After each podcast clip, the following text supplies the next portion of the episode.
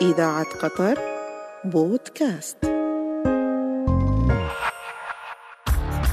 تؤثر في ملايين البشر حول العالم. شركات كبرى ومؤسسات ضخمة فرضت نفسها لتصبح من عمالقة الأعمال.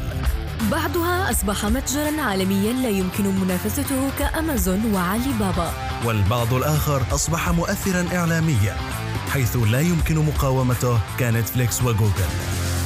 والقسم الآخر استحوذ على مجال التواصل الاجتماعي مثل تيك توك واليوتيوب. فكيف كانت البداية وما أسرار الحكاية؟ نصطحبكم في رحلة استعراض لقصص نجاح لا مثيل لها.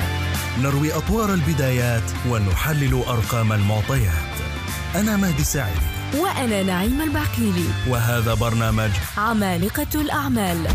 عمالقة الأعمال.